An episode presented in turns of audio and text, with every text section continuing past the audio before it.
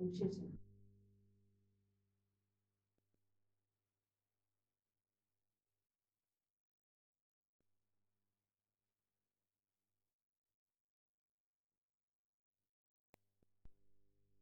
Were you trying to get crazy with this, eh? Don't you know I'm loco? Loco.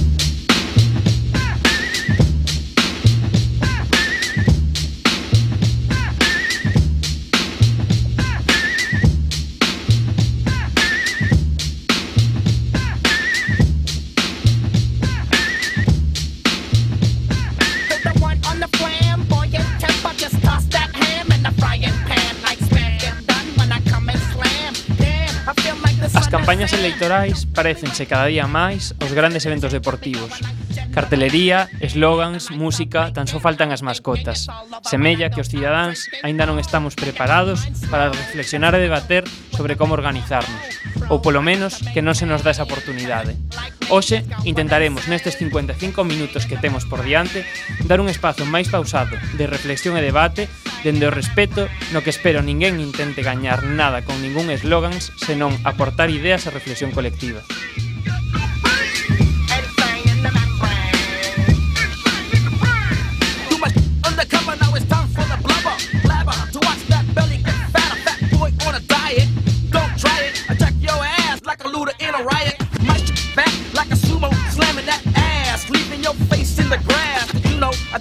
Subido o volume da radio, que vibren os altofalantes e non teñades medo de que rachen, que neste programa son de coido de cacique. Comeza coa que está a pasar. O control de son Carlos Ríos. Presenta un servidor, Brais García. Podedes seguirnos en Twitter, no arroba está a pasar, e en Facebook na páxina coa que está a pasar. Son as 7 e 2 minutos da tarde e estamos emitindo no estudo Xosé Cousa en da Coruña, no Cuac FM 103.4 FM e tamén en Ferrol Terra dende Radio Filispín no 93.9 FM. Hoxe contamos connosco cuns convidados de luxo. A miña dereita está Rubén Pérez, candidato pola en, por en Marea, non? ao Congreso dos Deputados nestas eleccións do vindeiro 20, 20 de decembro. Moi boa tarde, Rubén. Boa tarde. A miña esquerda, Xosé Tubío, do Partido da Terra. Moi boa tarde, Xosé. Boa tarde. A miña esquerda, un pouco máis alá, María Elvira Souto. Máis esquerda. El, máis esquerda, veremos, Elvira Souto, eh, tamén candidata por nos candidatura galega ao, ao Congreso. Boa tarde. Hola, boa tarde. E temos por teléfono a Gloria del Valle Rodríguez, candidata polo PSDG a PSOE. Moi boa tarde, Gloria. Hola, buenas tardes. Agradecerlle a, aos convidados, non? A súa presenza e penso que anotar para que todos os ouvintes saiban que tanto Ciudadanos como Partido Popular foron convidados a este debate rexeitando o convito primeiro e ignorándonos o segundo. Alén de disquisicións que non importan agora, imos dividir o debate para que todos o saibamos en tres grandes bloques, non? Falaremos primeiro sobre medios de comunicación, sobre comunicación en xeral, en segundo lugar sobre as relacións coa ciudadanía, E, en terceiro lugar, sobre enerxía e cuestións medioambientais. Intentarei intervir xa aviso o menos posible e espero que aconteza a partir de agora sexa unha conversa e un debate entre vós que sodes os protagonistas deste programa. De todos xeitos, antes disto, eh, unha pregunta a, a cada un. Eh, comezo por Rubén. Por que te presentas a estas eleccións do 20 de decembro? Que te levou a tomar a decisión de facelo eh, na candidatura en Marea? Bueno, pois realmente foi unha petición que xurde non dende a, o programa o proceso de confluencia onde se quería reflectir pois unha sensibilidade moi concreta que é o animalismo. Neste caso, eh, sí que é verdade que os partidos políticos comezan a incluir estas cuestións, pero eles querían dar quizáis un país máis eh, incluindo unha persoa que fixese activismo pois no caso concreto meu, pois no caso da Coruña. Eh, eu aceptei porque me parecía unha experiencia nova e tamén unha experiencia ilusionante participar dende dentro nunha campaña electoral tendo en conta que xa participara eh, noutros procesos, pois por exemplo, elaborando contidos programáticos. Moi ben. Eh, Elvira, a mesma pregunta, por que te presentas ás eleccións e por que en nos candidatura galega? Pois porque moitas décadas xa de activismo en movimentos sociais mostráronme que a presenza nas institucións, a presenza nas cámaras, sexa a Cámara Galega, a Cámara Europea, a Cámara Española, eh, a, contribúe a, a, a facer de alto falante para os movimentos sociais, si hai aí persoas que honestas que se interesen polo debir dos problemas da cidadanía e tamén porque ás veces serve de alabanca para solucionar algunhas cousas. Esta combinación de movimento social e representación institucional pois pareceume que cando se me propuxo, como acaba de falar o compañeiro, eh, ser unha persoa de tanta mm, experiencia nos movimentos sociais e se me propuxo participar nesta candidatura, pois aceptei porque creo que hai que colaborar. E, hai que ter en conta que ademais eu participei durante meses no esforzo grande que se fixo para que se pudese construir unha candidatura unitaria galega que non foi posible porque había pactos previos entre tres partidos políticos, a Nova Esquerda Unida e Podemos, e eso tamén me decidiu a, a, a optar por esta alternativa que defendeu até o último momento que houvese unha única candidatura de todo o povo galego. Gloria, moi boa tarde outra vez. Eh, por que te presentas eh, ao Congreso Español? Eh, por que dende o PSDG a PSOE? Bueno, pues yo entiendo que el participar en unas, en unas elecciones, el ser candidata en una, en una lista, en este caso pues al Congreso, para mí es una manifestación más de lo que de lo que significa el compromiso político, ¿no? Es decir, eh, pues es una forma diferente de manifestar lo que en mi caso pues ha sido una trayectoria también desde hace mucho tiempo y, siempre pues con el Partido Socialista porque es un poco con el que me identifico ideológicamente. Entonces yo pues lo considero como una oportunidad de eh, manifestar un, un compromiso político, unha actitud ante, ante la sociedade. Moi ben, eh, Xosé, por último, non menos importante, corríxeme se me equivoco, ti non estás nas listas, así é, eh, pero por que o partido te representas a estas eleccións? Ben, eu non estou nas listas porque as listas foron elaboradas a sortes e tamén a posición nelas, entón, bon, pues, non foi necesario incluso no meu nome, Eh, decidimos a presentarnos, pois como tamén noutras anteriores, eh, non só porque pretendemos tamén eh, levar para frente a nosa idea de democracia, senón tamén porque isto é unha época do ano de cada 4 anos que nos permite colocar no discurso público as nosas propias ideas, máis que nada porque a xente está máis predisposta a, a falar de política e a ouvir de política e neste, neste momento pois podes precisamente criticar o regime político eh, máis acaidamente que noutra época do ano eh. por iso nos candidatamos non é que non, non queramos un bo resultado mas evidentemente non non pretendemos nin eu pretendo personalmente eh, estar no Congreso para representar a vontade de ninguén prácticamente en termos prácticos porque a idea que temos é de democracia directa e non precisamente de democracia representativa. Entraremos logo niso no segundo bloque, pero antes adentrámonos no primeiro, eh, dicía, medios de comunicación, non? Está claro que cada día máis eh, vivimos nunha sociedade da información e da comunicación, das interconexións, pero digo, isto non leva unido necesariamente eh, que a calidade informativa sea mellor. Eh, xenérico, deberíase, deberíades o que propoñedes facer para mellorar a calidade informativa? Bueno, está claro que a calidade informativa nestes últimos anos ten descendido non enormemente e creo que tamén en casos concretos, non como por exemplo a televisión, con esas grandes fusións de medios que tamén trastocan o sistema publicitario e o que fan precisamente é eh, pois un sistema de oligopolístico, non? Entón, eh, as propostas en Marea son moi claras, son sinxelas, dende logo apostar por esa independencia informativa dos medios públicos e traballar para que os medios privados, dende logo, non teñan esa maior incidencia sobre o que é a calidade informativa, o dereito de acceso a, a información.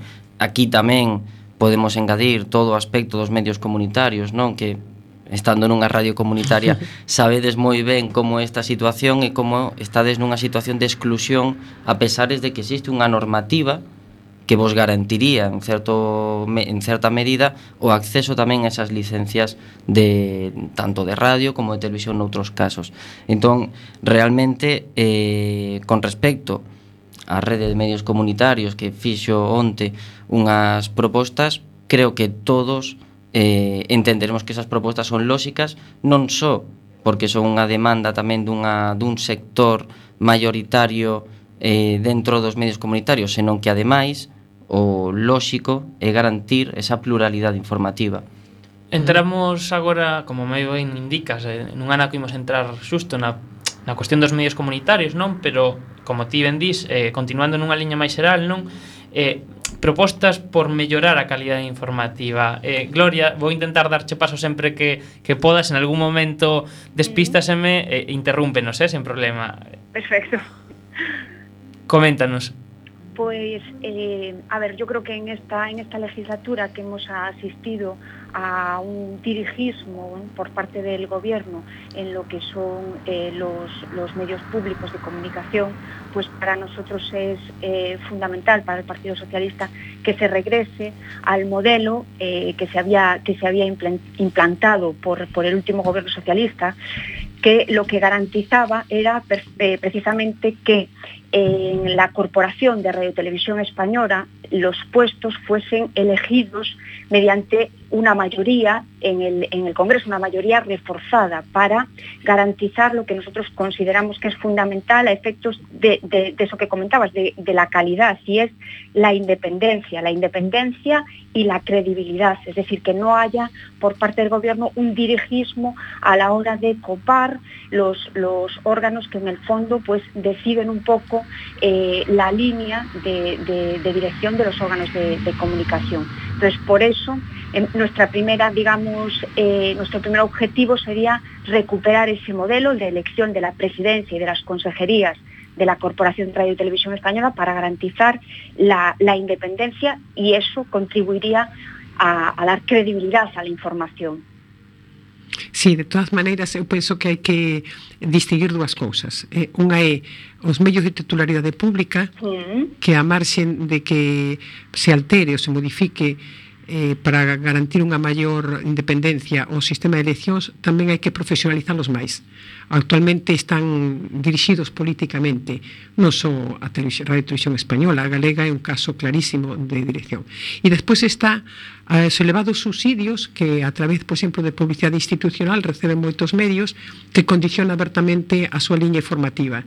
entón, eh, hai que facer mm, penso que varias cousas. Unha eh, conseguir profesionalizar os consellos de administración e os consellos de redacción dos grandes medios de titularidade pública. Dúas, facer públicas as axudas que se dan aos medios e os criterios con que se entregan estas axudas, porque eh, os medios privados tamén serven os poderes políticos. E a terceira, importante tamén, inda que hai máis medidas secundarias, a terceira tamén sería eh, que subésemos, que houvese unha lei que obrigase a transparencia absoluta dos medios, de todos os medios, e a titularidade tamén privada, saber que grupos mediáticos están atrás de cada un, que accionarado que, quen compón o seu accionarado, quen ten a propiedade diso, porque así tem, sabemos a que intereses serven.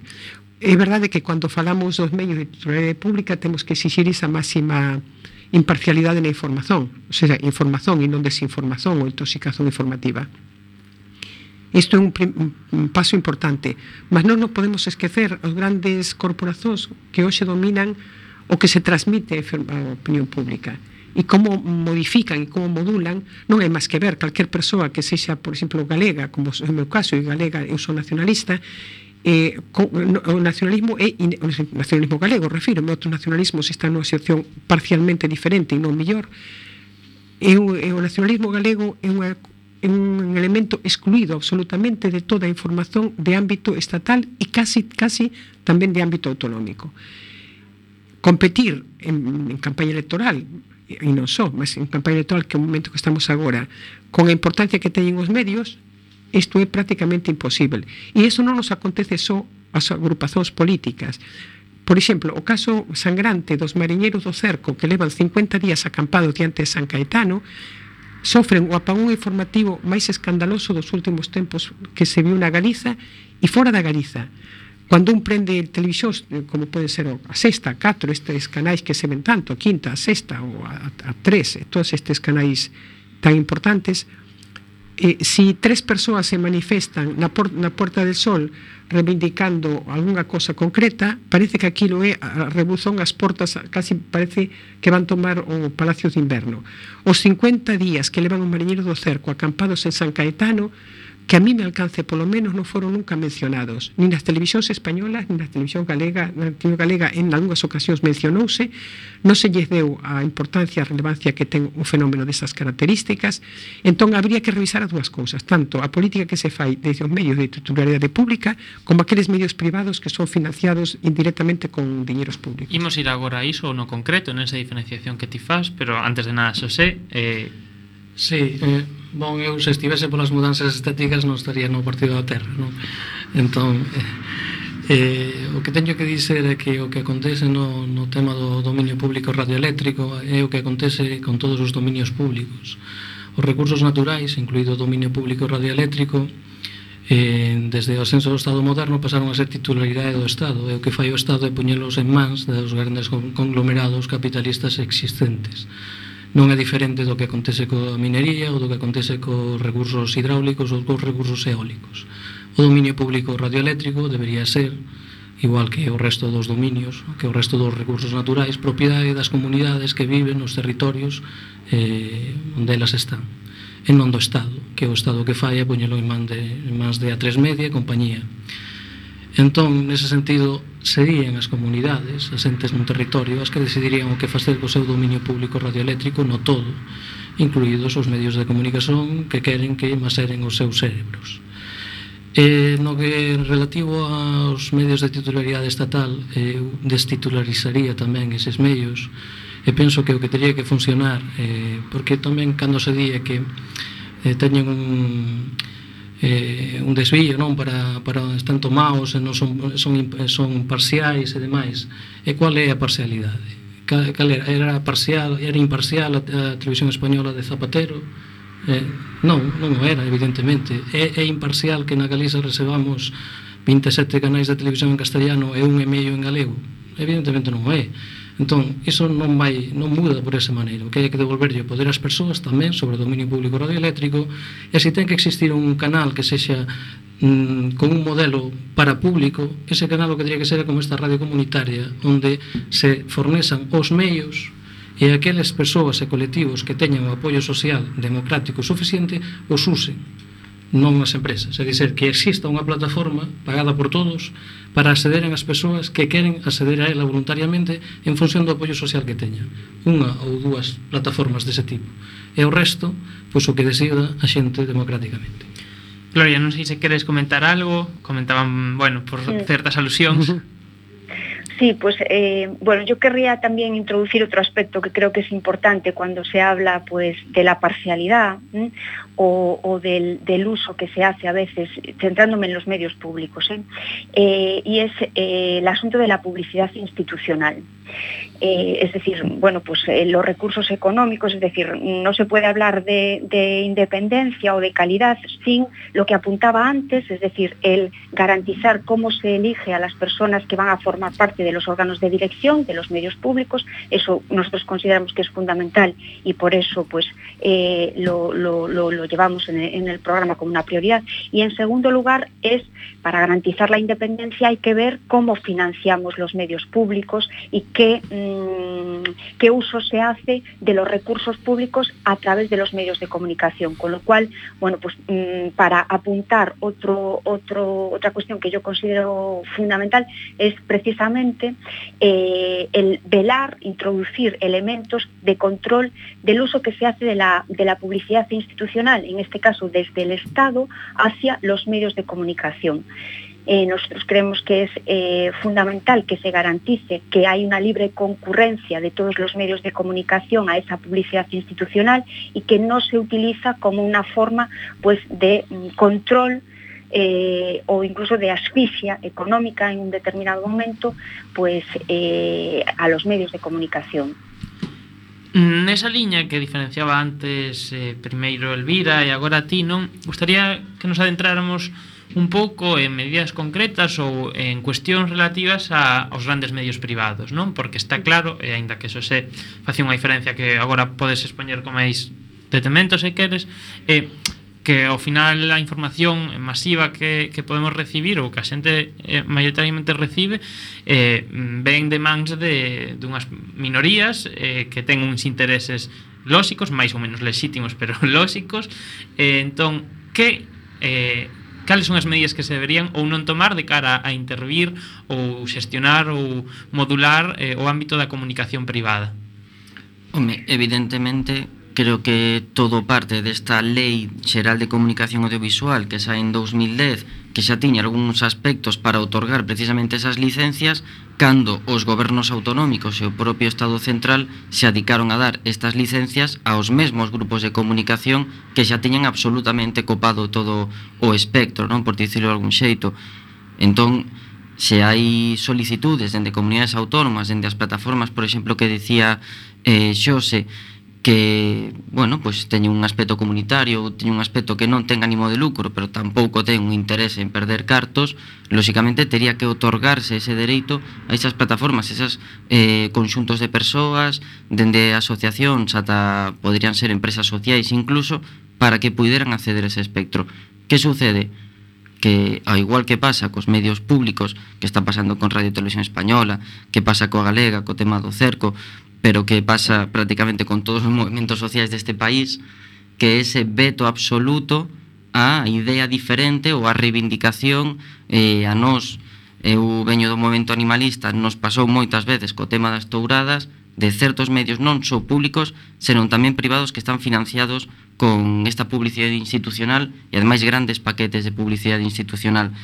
Eh, dende logo, e eh, aquí apuntaría a posibilidade que di esa lei, auto, esa lei de comunicación audiovisual dun verdadeiro Consello Audiovisual Independente, como podemos facer este Consello? Eu creo que non serve con que o Congreso e o Senado poidan designar os seus membros, porque estaríamos no mesmo, supeditados a maioría parlamentar ou eses tres quintos que pasa, por exemplo, no Parlamento Galego, senón participación da sociedade civil, que a ciudadanía puidese ter eses métodos ou modelos para participar directamente nesa escolla. E así eh, otorgaríamos un plus de transparencia tamén e de representatividade fora tamén do, do que sería o arco político puro. Gloria, eh, mm. intervir ou non e de que xeito modificar ou non eh, os medios de comunicación non estatais?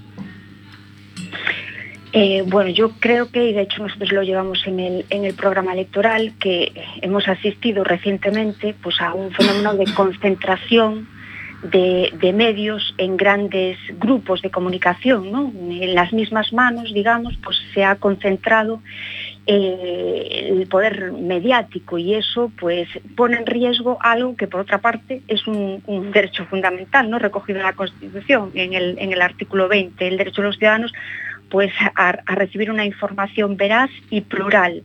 Entonces, eso yo creo que legitima y exige el que esté regulado y de hecho nosotros lo que proponemos es la creación de, un órgano específicamente de control, un Consejo Estatal de Medios Audiovisuales, que eh, precisamente tenga como, como función la protección de pequeños proyectos empresariales e incluso comunitarios, eh, y también eh, tendría como función que eh, poder resolver conflictos de intereses que evidentemente se pueden producir cuando mm, asistimos, como, como ocurre en España actualmente, a esas concentraciones ¿no? de grupos de comunicación que, mm, que, que, pueden llegar a vulnerar con su actuación lo que es un derecho fundamental y eso legitima la intervención del Estado.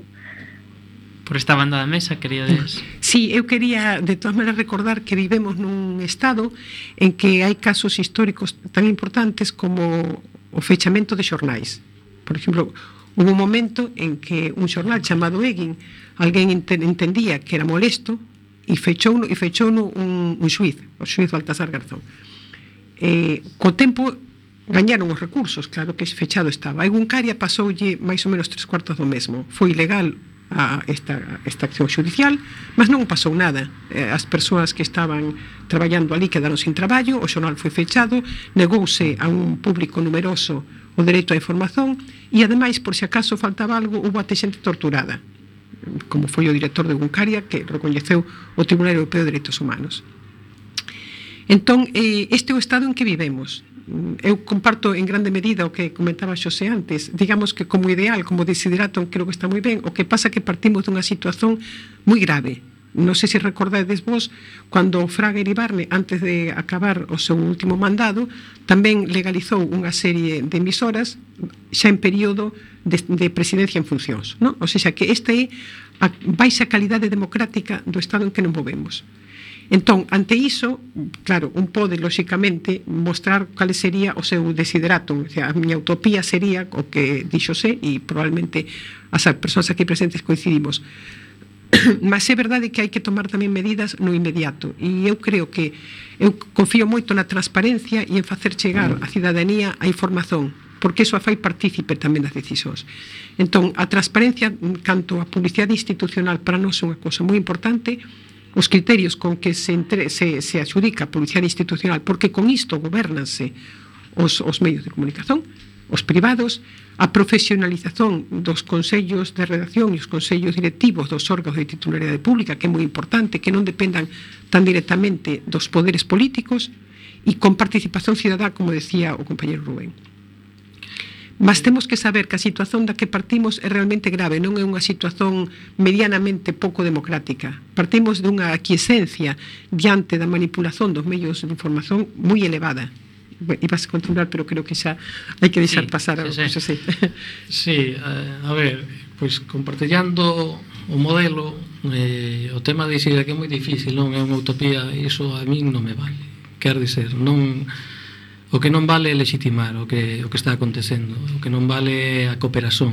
Iso é o que non vale xa. E, e por iso eu sou moi crítico pois que as candidaturas de nós ou, da, ou da Marea nese sentido, porque ao final eh, pasamos generalizando o caso dos medios que vou agora comentar unha cousa que quería aclarar eh, pasamos do de non nos representan a agora sí porque somos nós ou quítate tú que me poño eu E iso pois tamén vale para isto. Non, non é que mudando o, o presidente da Radio Televisión Española ou da RTVG muda o sistema, non. Iso é estético, puramente estético. E tampouco non é tan utópico ou tan difícil de un modelo alternativo. De facto, hai exemplos comparados. O que pasa é que nos faltan tamén pois a vontade de facelo. Mira, eh, vou, sei que saio do tema un segundo, pero é para exemplificar, porque do, do que se trata é do esquema xeral de como se xestionan os recursos naturais por parte do Estado, que se apropia deles, declarándos de dominio público, e pasan a ser de grandes conglomerados. O mesmo acontece co, co vento, co vento na Galiza. Cual é o resultado de cando o Bloco gobernaba no bipartito do concurso eólico? Establecer un canon para a xunta. Eso foi non devolverlle a, a través dunha, dunha lei que dixese pois, as comunidades de montes situadas en tal sitio van ser a partir de agora as propietarias e terán a última palabra sobre o seu recurso natural o vento e por tanto son inexpropiables esos efectos se teñen que negociar de tú a tú coa compañía correspondente. Non, non, é de dominio público é expropiável é, iso sí, un 10% para a xunta. É un modelo completamente diferente non é nada utópico ou non utópico é non querer facelo.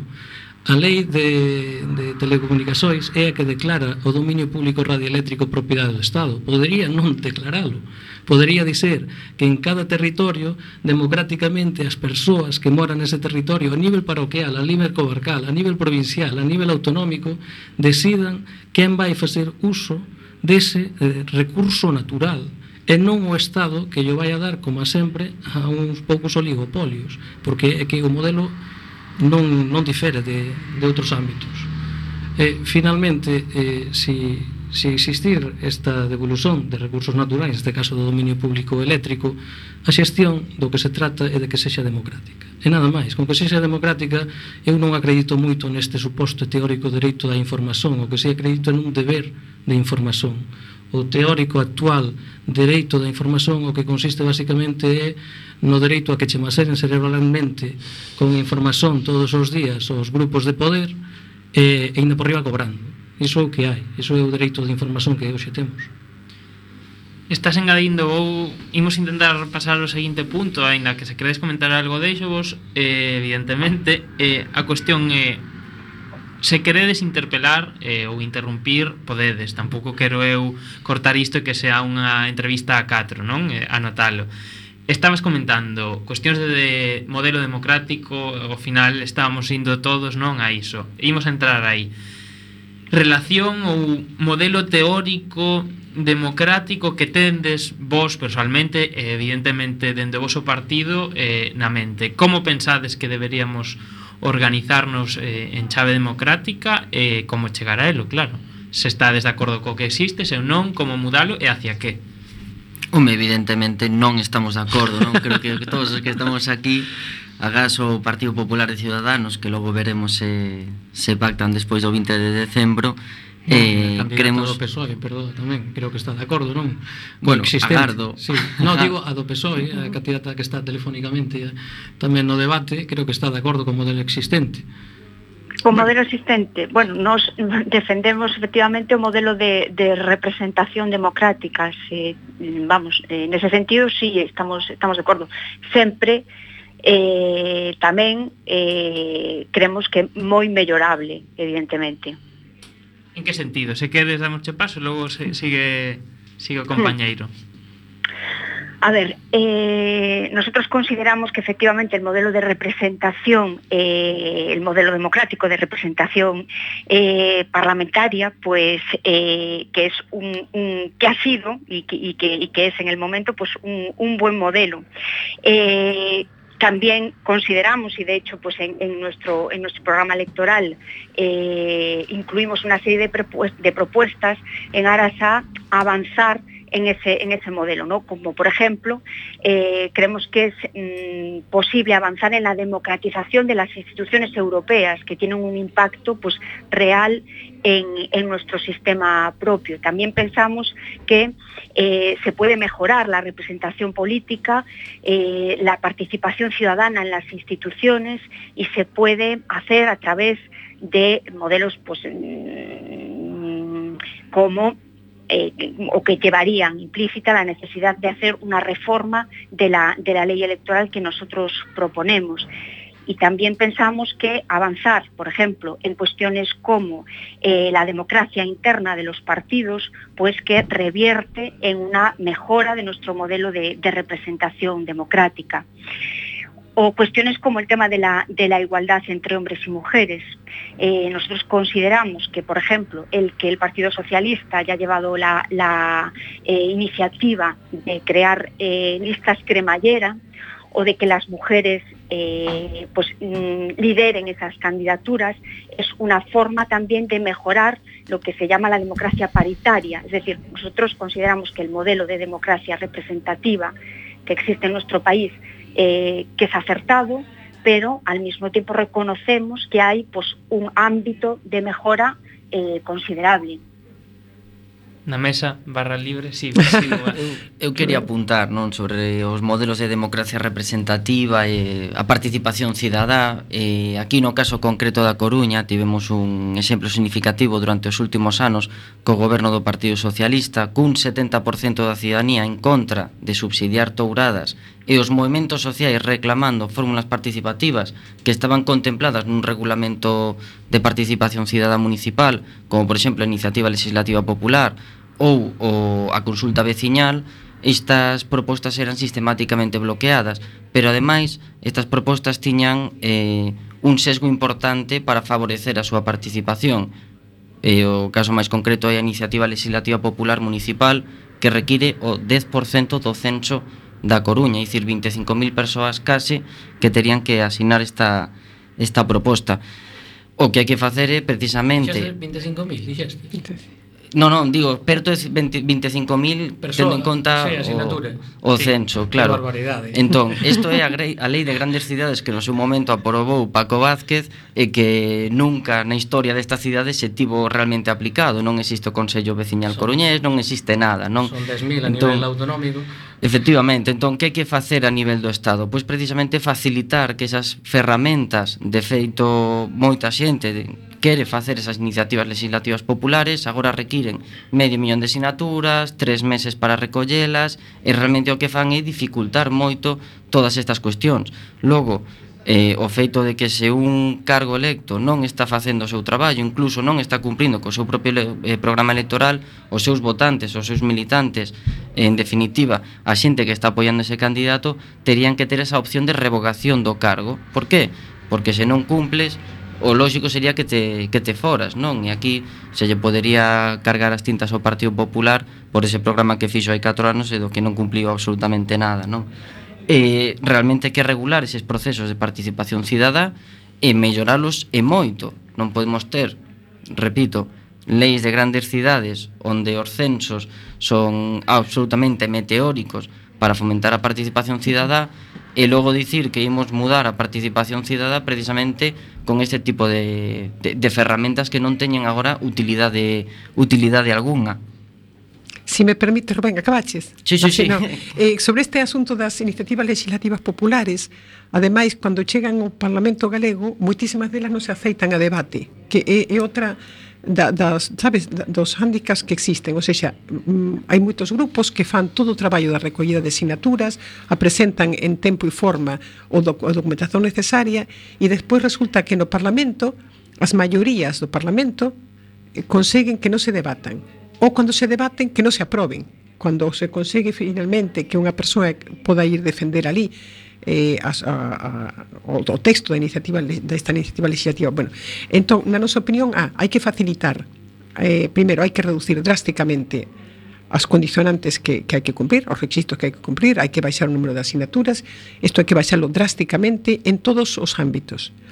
En segundo lugar, eh, hai que hai que regular a lei de consultas para facilitar as consultas populares, porque facer unha consulta, como xa se demostrou no caso de Cataluña sobradamente, preguntarlle á cidadanía que o que pensa sobre determinados asuntos, para isto, para defender políticas deste tipo non hai que ser mm, revolucionario ou tranza. Países como Suiza, por exemplo, teñen leis de consultas populares de diferentes ámbitos que funcionan perfectamente e en que a cidadanía é consultada para cousas que afectan moito a súa forma de vida. E isto aquí está altamente dificultado e de feito que o saiba non se utiliza máis que moi raramente que se poda consultar as persoas. E despois existen formas de participación cidadá que teñen moito a ver, na miña opinión, con a, a non criminalización da protesta. Unha forma mm, sobranceira de participación cidadá é manifestar públicamente unha determinada opinión, unha determinada reclamación, unha determinada reivindicación. No estado en que nos movemos, e en Galiza moi en concreto, estamos no cuarto posto en todo o estado, as, as manifestacións públicas das persoas están altamente condicionadas. Primeiro, hai este prazo que en teoría é un prazo un mínimo de 10 días de previa comunicación a organismo correspondente, despois pode negar a capacidade. Hubo un caso moi chamativo, non sei se o coñecedes, creo que foi no Grove, por unha resolución municipal quixeron convocar unha de urxencia e en dous minutos, exactamente dous minutos, foi denegada a comunicación dunha dunha concentración para protestar porque se iba a facer un monumento a Fraga Ibarne. Entón, eh, nos creemos tamén que unha das formas de participación cidadá importante é que a protesta non se criminalice.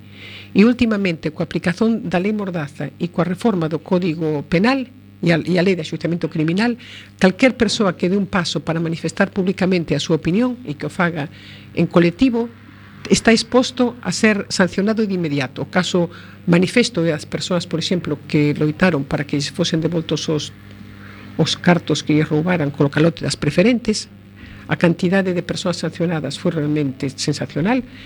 Mm, recorreron ao xuiz foron pola vía judicial e gañaron prácticamente todos os recursos, prácticamente todos, creo que só non gañaron dous. O cal indica que esas persoas foron sancionadas por manifestar públicamente unha determinada opinión sin, sin base legal. Ben, entón, para, para abreviar, para resumir, eh, creemos que hai que facilitar tanto a forma en que se presentan e se debaten as iniciativas legislativas populares, creemos que hai que ampliar a lei de consultas para que cada, cada institución poda no seu ámbito competencial consultar a ciudadanía en cada momento e hai que, e hai que, hai que elaborar eh, trámites, hai que elaborar eh, mecanismos para que as persoas se poden expresar, sexa no Concello ou sexa tamén nos parlamentos. Xosé, eh, logo eh, se cadra volvo a, a volos dous porque Gloria respostou honestamente, non? Eh, eu acredito dun sistema representativo que tenda hacia si, non modos de participación, de maior participación e así, non? Non me trabuco o que dixeches. Sí, sí, bueno, Gloria. Iso, pero non sei.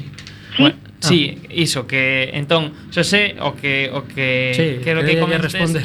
a, a ela e logo se se cadra que anotedes vos tamén un pouco eh o modelo, a, algo máis xeral, non? De que que opinades, que pensades, eh, Xosé. Bon, dicía Montesquieu en 1755 que a lei é a expresión da vontade xeral. Un momento en que calquera cousa era a lei elaborada na altura menos a expresión da vontade xeral. E iso quedou aí, e continúa aí. Mas a lei non é a expresión da vontade xeral eh, non o é. O que funciona hoxendía, as normas xurídicas eh, elaboranse conforme ao sistema do lobillismo. Sabémoslo todas e todos. É hipocresía, é obxectivamente verificable, non é non son os representantes, o 90% dos representantes do Congreso e do Senado non leen as normas que aproban, seguen a disciplina de partido e o sistema de lobillismo nese partido. Isto pasa aquí, en Europa é brutal, na Unión Europea é, é o día a día, Os funcionarios da Comisión, que son todopoderosos, son os que elaboran as normas xurídicas. Os europarlamentarios, na maioría dos casos, non teñen sequera direito de participación, nin codecisión co, cos executivos estatais a través do Consello de Europa, porque non forma parte das súas competencias. Bon, é que o ridículo na Unión Europea foi tanto na súa altura que creo que era de 1975 a 1986 ata que tivo un mínimo de competencias o Parlamento Europeo era un órgano eh, consultivo As súas opinións non eran vinculantes. E, sen embargo, había eleixois cada cinco anos. A xente dos Estados membros até 1976 votaba por unha deputación que non tiña competencias.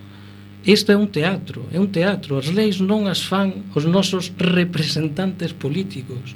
Obxectivamente é así. Entón, se non somos críticos co sistema de lobillismo, que é o que verdadeiramente fai que se poña en vigor unha determinada norma con esas minorías, elites en pugna, e que en cada victoria circunstancial son eses, eses, esas minorías vitoriosas circunstancialmente son as que a súa vontade se pon en vigor nas normas jurídicas e non somos críticos con iso, entón o resto é estético. E non é con unha democracia participativa, nin, nin orgánica, nin representativa, nin participativa, é con democracia a secas, que é a directa. Da baixo arriba, con todas as consecuencias. O resto é iso, a mudanza estética, o de que pasamos do non nos representan, agora sí nos representan, e sustituímos uns lobbies ou queremos poñer os nosos lobbies por outros, porque non é o mesmo, non, é o mesmo, só que miméticamente que o presidente de, ou expresidente dunha asociación de defensa da lingua ou dunha eh, eh, entidade a favor da defensa dos direitos dos, dos animais eh, ocupen postos de vanguarda nunha lista non defere de que o sexa pois, eh, o presidente das petroleiras ou, de, ou alguén posto por eses presidentes. Eh, eh, non sei se me explico. O problema da, da democracia representativa é que, como tú decías, hai un 70% de persoas en contra. Pois non, non, non valen para nada ese 70%, porque están secuestradas. E o mecanismo de secuestro da soberanía popular son, paradoxalmente, as eleixois. Claro, por iso dicía eh, superar eses modelos de eh, que funcionaron moi ben co bipartidismo, non, non, non votes, eh, xa votamos nos por ti e logo cando comezan os recortes e comeza todo o caos non para o conxunto da cidadanía e cando, bueno, pois a xente quizáis comeza a respostar. Eu eh, o que plantexaba con respecto a, ao exemplo, non? porque quizáis é o que máis coñezo, é precisamente que esas ferramentas que estaban a disposición da cidadanía non só non funcionaban, senón que estaban pensadas para estar completamente bloqueadas. O caso de, de Suiza, que ademais coñezo ben, con 100.000 sinaturas poden convocar un referendo sobre calqueira cuestión. É, é verdade que en algunhas cuestións pois se trataron temas onde quizáis había certas polémicas, non? Eu lembro o tema dos minaretes, pero tamén se propugnaron cuestións con respecto a cuestións ambientais e outras e outras materias. Si que é verdade, hai que traballar e moito nesa diferencia que hai, porque ás veces parece que un deputado é unha persoa que está moito por riba, non, do cidadán do común fronte a pois o que plantexaba tanto da revogación dos cargos como a, a limitación salarial deses cargos electos. Eu creo que nestes últimos anos nos concellos galegos xa se veñen vendo pois certas cuestións que nos permiten achegar unha democracia un pouco máis participativa, pero está claro que todavía queda moito por avanzar, non? O tema das touradas, o tema de outras moitas cuestións que quedan aí e pois quizáis Cataluña nos leve a dianteira nese caso eh, sí. de xeito máis participativo non cunha inicia iniciativa legislativa popular pero está claro que temos eh, moito que avanzar que sucede? que se non o facemos agora eh, creo que isto pode pasar un pouco tamén a, a indignación ou quizáis o cabreo da xente non e a mí me preocupa bastante estar 4 anos máis con estes gobernos detractores do común para para que realmente non sei que pode pasar máis adiante, non sei se isto pode ir a peor, porque xa me parece bastante complicado. Elvira, sí, só unha pregunta, sí. tú achas útil servir de válvula de escape para o sistema? Como servir de... Eu creo... Claro, eh, participando, a... nesa, cooperando, en definitiva, legitimando o que há. Non, non, eu, de, eu creo que de... non legitimo. Eu creo que para para atacar o sistema quizáis nalgúns momentos haxa que estar dentro. Eu eh, teño experiencia, como dicía ao principio, en elaboración de contidos programáticos, pero tamén teño experiencia en facer lobby no, no Parlamento Galego e eh, entendo que hai diferentes tipos de incidencia política. Hai a das grandes corporacións e aquí tamén temos no, no caso dos animais algunhas corporacións que, que nos atacan, non? Furia de unha xeita furioso, pero tamén hai outras cuestións que creemos que son eh, avaladas pola ciudadanía. De feito, cada vez que nos presentábamos unha iniciativa avalábamos pois con un número de sinaturas, porque entendíamos que iso lle daba máis forza que non que fora eu ou que fora outra persoa ao Parlamento a plantexar as cuestións. Entón, eu non lexitimo o, o sistema presentándome, senón o que fago é tratar de mudalo quizáis dende dentro ou dende fora como fixemos sí. ata agora. Eu queria dicir unha cousa que eu concordo con Xosé eh, nun, nun aspecto que moitas veces cando se falla crítica a, ao Parlamento ou con, con os seus deputados que son as eleccións que nos veñen agora encima é verdade que se insistía moito en naquele eslogan de non nos representan e agora resulta que como a mellor están os nosos pasamos a dicir se nos representan eu con eso estou completamente de acordo. Eu de todas maneiras eh, teño unha visión diferente das cosas. Eu penso que non todas as persoas que están no Congreso ocupando escanos son exactamente igual nin de xustificadoras do sistema nin de, nin de, nin de detractoras do, ou sea, nin de legitimadoras do sistema nin de eh, es de, de apoialo desde dentro, eh? o sea, ver, creo que hai Niso estou de acordo eu, pero sí. se si tú a, a mensaxe que lanzas sí, é a mesma sei, de entendo, propostas sí. de emenda e sí. de mellora, sí. entón o sistema sí. cada vez é mellor. Bueno, pero permíteme, Xosé, mira, nós temos unha realidade e hai que traballar coa realidade que temos. Entón non nos debemos aspirar e creo que ti faz moi ben e tes un discurso moi elaborado e que eu comparto en moita medida, creo que hai que traballar para modificar o sistema no seu conxunto. O que pasa é que nese sistema que temos diante é unha realidade coa que temos que traballar. A diferenza que pode existir entre o traballo que fixeron, por exemplo, as eh, deputadas nacionalistas e os deputados anteriormente no Congreso dos Deputados Españois a que fixo o señor Raxoi ou, os, os, os que meramente se, de, se dedicaron a apretar o botón cando lle mandaba o partido, hai unha diferenza abisal. Por eso, a mí, eslogans como non nos representan, incluindo a todas as persoas nun único lote, Pareceme injusto, porque hai persoas en política honestas, traballadoras e que defenden os intereses dos sectores populares e entón eu creo que hai, eu estou con elas e hai outros que fan exactamente o contrario que están para prexudicar os intereses populares e beneficiar os intereses dos grandes oligopolios entón eu creo que non hai... Sí, sí, Sí. sí. No, si, si, si me, me permitís, yo sí, claro. quería añadir que, que efectivamente es que hay que distinguir entre la crítica a la institución y, y, y, y, las malas artes o las malas prácticas que en un determinado momento puedan desarrollar las personas que están ejerciendo un cargo. Por eso yo creo que no es bueno confundirlo todo. Incluso pues puede ser pues muy dañino ese mensaje así tan generalizado de, de pues no sé, cuando se dice que, que todos los políticos son corruptos o que todos los políticos eh, eh, asumen el cargo como un privilegio. Yo si de lo que hablamos es eh, pues del, del, modelo representativo y de las instituciones, yo creo que las instituciones en sí mismas no están desprestigiadas. Yo creo que hay que delimitar cuando un comportamiento de una persona que ocupa un cargo pues no está a la altura de, de esa representación. Entonces, realmente lo que nos ha pasado o el contexto en el que nos encontramos eh, merece una reevaluación del sistema parlamentario o lo que merece es que pongamos eh, medidas para mejorar o para evitar o para que esas actuaciones tengan consecuencias. Es decir, yo defiendo el modelo de democracia representativa, en primer lugar, porque no eh, considero que, sea, que se pueda articular en la sociedad actual el modelo de democracia directa. Mm, de hecho, es que me gustaría saber cómo se articula eso. Entonces, yo creo en el modelo de democracia representativa porque entiendo que el sistema en sí es bueno y que el que en un determinado momento alguien no lo ejercite eh, de la forma debida no desacredita el sistema, en todo caso, esa actuación. Creo que hay que diferenciarlo. Sí, bueno, eu de todas maneiras se pode... Só por alusións, sí. eu non dixen iso, dixen xusto o contrario, precisamente o que critico é a institución, non as persoas. claro. Non acredito no quítate tú que me poño eu, eles son os maus, eu son o bon. Iso é o que non que é hipócrita. Precisamente, o problema está nas instituições e na concentración de poder político en detrimento das persoas. E o problema é que as persoas non somos iguais políticamente, somos moi desiguais.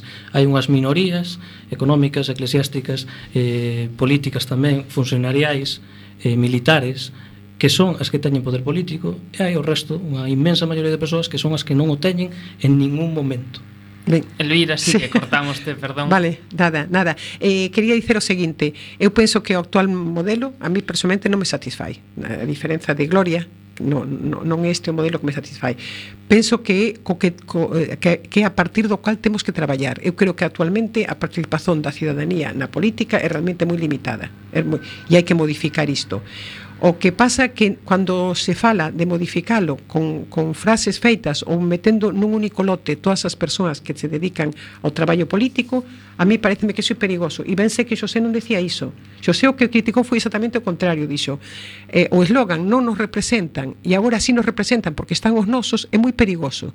Porque con el non nos representan o que se facía era facer un, un todo do que era realmente partes. Hai persoas que traballan, por exemplo, os, os mm, emigrantes retornados, que é un caso, como ben sabedes, mm, un, un colectivo moi agravado por, por la actual legislación. Ben, hai dous días, onte antonte, estiveron en Bruxelas levados tamén por unha persoa que, que está no Parlamento Europeo agora mesmo como delegada, ainda non é europarlamentar para defender os seus dereitos. A combinación de mobilización social que son persoas que se mobilizaron constantemente os emigrantes retornados, como os preferentistas como a mariñeros do cerco como os produtores de leite son sectores moi mobilizados na sociedade galega. A combinación diso con persoas que honestamente ocupan responsabilidades políticas e están dispostos a por ou dispostas a por eh, ese, ese escano que gañaron as eleccións o servizo das clases populares, a mí parece que é unha fórmula que funciona. Primeiro, porque permite a participación cidadá, que permite como, como, form, como reivindicación colectiva por varios procedimentos, un moi significado o da rúa, e simultaneamente porque se utilizan as institucións para facer eh, unha alabanca donde poder expresar mellor as súas reivindicacións e facelas prosperar. Por tanto, me parece altamente injusto un eslogan como non nos representan, porque inclúe todos. Pero iso non me leva a pensar que o actual modelo funcione. No, creo que o actual modelo non funciona porque a participación da cidadanía está realmente moi limitada e non se vai solucionar con grandes líderes televisivos, senón que se vai acentuar que son os que se apoyaron precisamente non, non nos representan porque queren representarnos a todos e queren representarnos non a través das institucións moita, que tamén, senón a través da televisión, que é moito máis perigoso. Ter que cortarche Sí. eh, Queda un grande bloque que evidentemente non vai dar tempo a, a tratar como a mí me gustaría ademais eh, Pero unha pregunta breve a responder en 30 segundos a poder ser por cada un Modelo enerxético, eh, cuestións medioambientais, como abordalas? Un reto ben importante de agora en nada eh, Gloria, se, se podes comentarnos antes de nada Gloria non está, pois debeu de caer a conexión. Eh, Rubén, coméntanos A verdade é que é unha amalgama moi grande, non para resumila tan. Sí. Pero bueno, modelo enerxético, apostar polas enerxías renovables e por impostos ao que máis contamina, evidentemente, máis paga.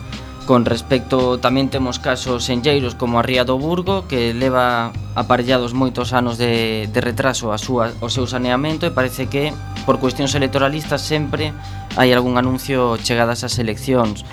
Con respecto ao medio ambiente e a, e a defensa dos animais, evidentemente, unha dos plantexamentos é ampliar esa rede galega de espazos protexidos, hai que ter en conta que en Galicia entre o 12 e o 15% moi por debaixo de outros países europeos e, ademais, tamén ese, esa compatibilización dos usos naturais do, do, do, do noso espazo, non? Que na práctica se traduce en que dende o Congreso dos Deputados se teñen tramitado leis como a Lei de Montes, onde, pois, os cazadores teñen prevalencia fronte a outras persoas. Por esta banda... Ah, tocaba a mí. Sí, sí no, bueno, pues para dicelo así moi Resumidamente, Galiza eh, produce enerxía eléctrica excedente, excedentaria, e no entanto pagamos os custos moi elevados ambientais, pagámoslos en encoros, pagámoslos en centrais térmicas, moi, e, e temos a mesma tarifa eléctrica e non conseguimos sequer que todo ese estrago que se fai da nosa, da noso medio ambiente repercuta de alguma maneira economicamente. Caso máis coñecido da Alcoa, verdade, que está a espera de que recalifiquen a cuota eléctrica, entón, eh, nin, as, nin as familias teñen hoxe moitas familias poden facer frente ás elevadas tarifas eléctricas que pagamos en igualdade de condicións de aqueles que a que exportamos. Sin nos termos os custos acrecentados do transporte da enerxía entón o que reclamamos é unha tarifa eléctrica galega que teña en conta que nos producimos pagamos os custos ambientais e aí hai que alterar o mix eléctrico. Hai que facer un mix eléctrico moi favorable ás enerxías renovables e xa acabo aquí. Xosé, Bon, pois menos dirixismo de río abaixo e máis soberanía popular. Devolución do dominio público ás persoas que lle corresponden, o vento para as comunidades, o minerios para as comunidades, todo para as comunidades, e que xestionen elas e se autoxestionen, que autoproducen, e non menos, en menos dirixismo e se deso mudar unha lei, unha lei que declara de dominio público o que é da xente, unha lei que podría declaralo propiedade privada, colectiva, de quen o foi sempre como un propietario titular. As comunidades de Montes Vexinais en Mancomún. Ese exemplo milenar da, do que parece que a candidata do PSOE nunca tiña oído falar de democracia directa. Gloria, perdón, caeuse nosa conexión, sí, preguntaba en 30 en 30 segundos se pode ser eh, algo moi xeral, eh, modelo enerxético ou por onde apostar eh, de cara ao medio ambiente. Eh, pues eh, nosotros en este sentido llevamos en el programa una propuesta eh, bastante amplia que, digamos, por, resumir, se, se basa en un modelo de transición energética, ¿no? que tendría pues, un, marco, un marco legal basado en, en la eficiencia de las, de las, sobre todo en una apuesta por las energías renovables, lo cual aquí en Galicia pues, tiene una especial importancia porque es algo que mm, en donde tenemos grandes recursos que han estado moi infrautilizados hasta el momento. Moi ben, Ten, teño que cortarche, imos moi mal de tempo, moitas gracias aos catro, Rubén, Elvira, Xosé, Gloria, moitas grazas por estar aquí.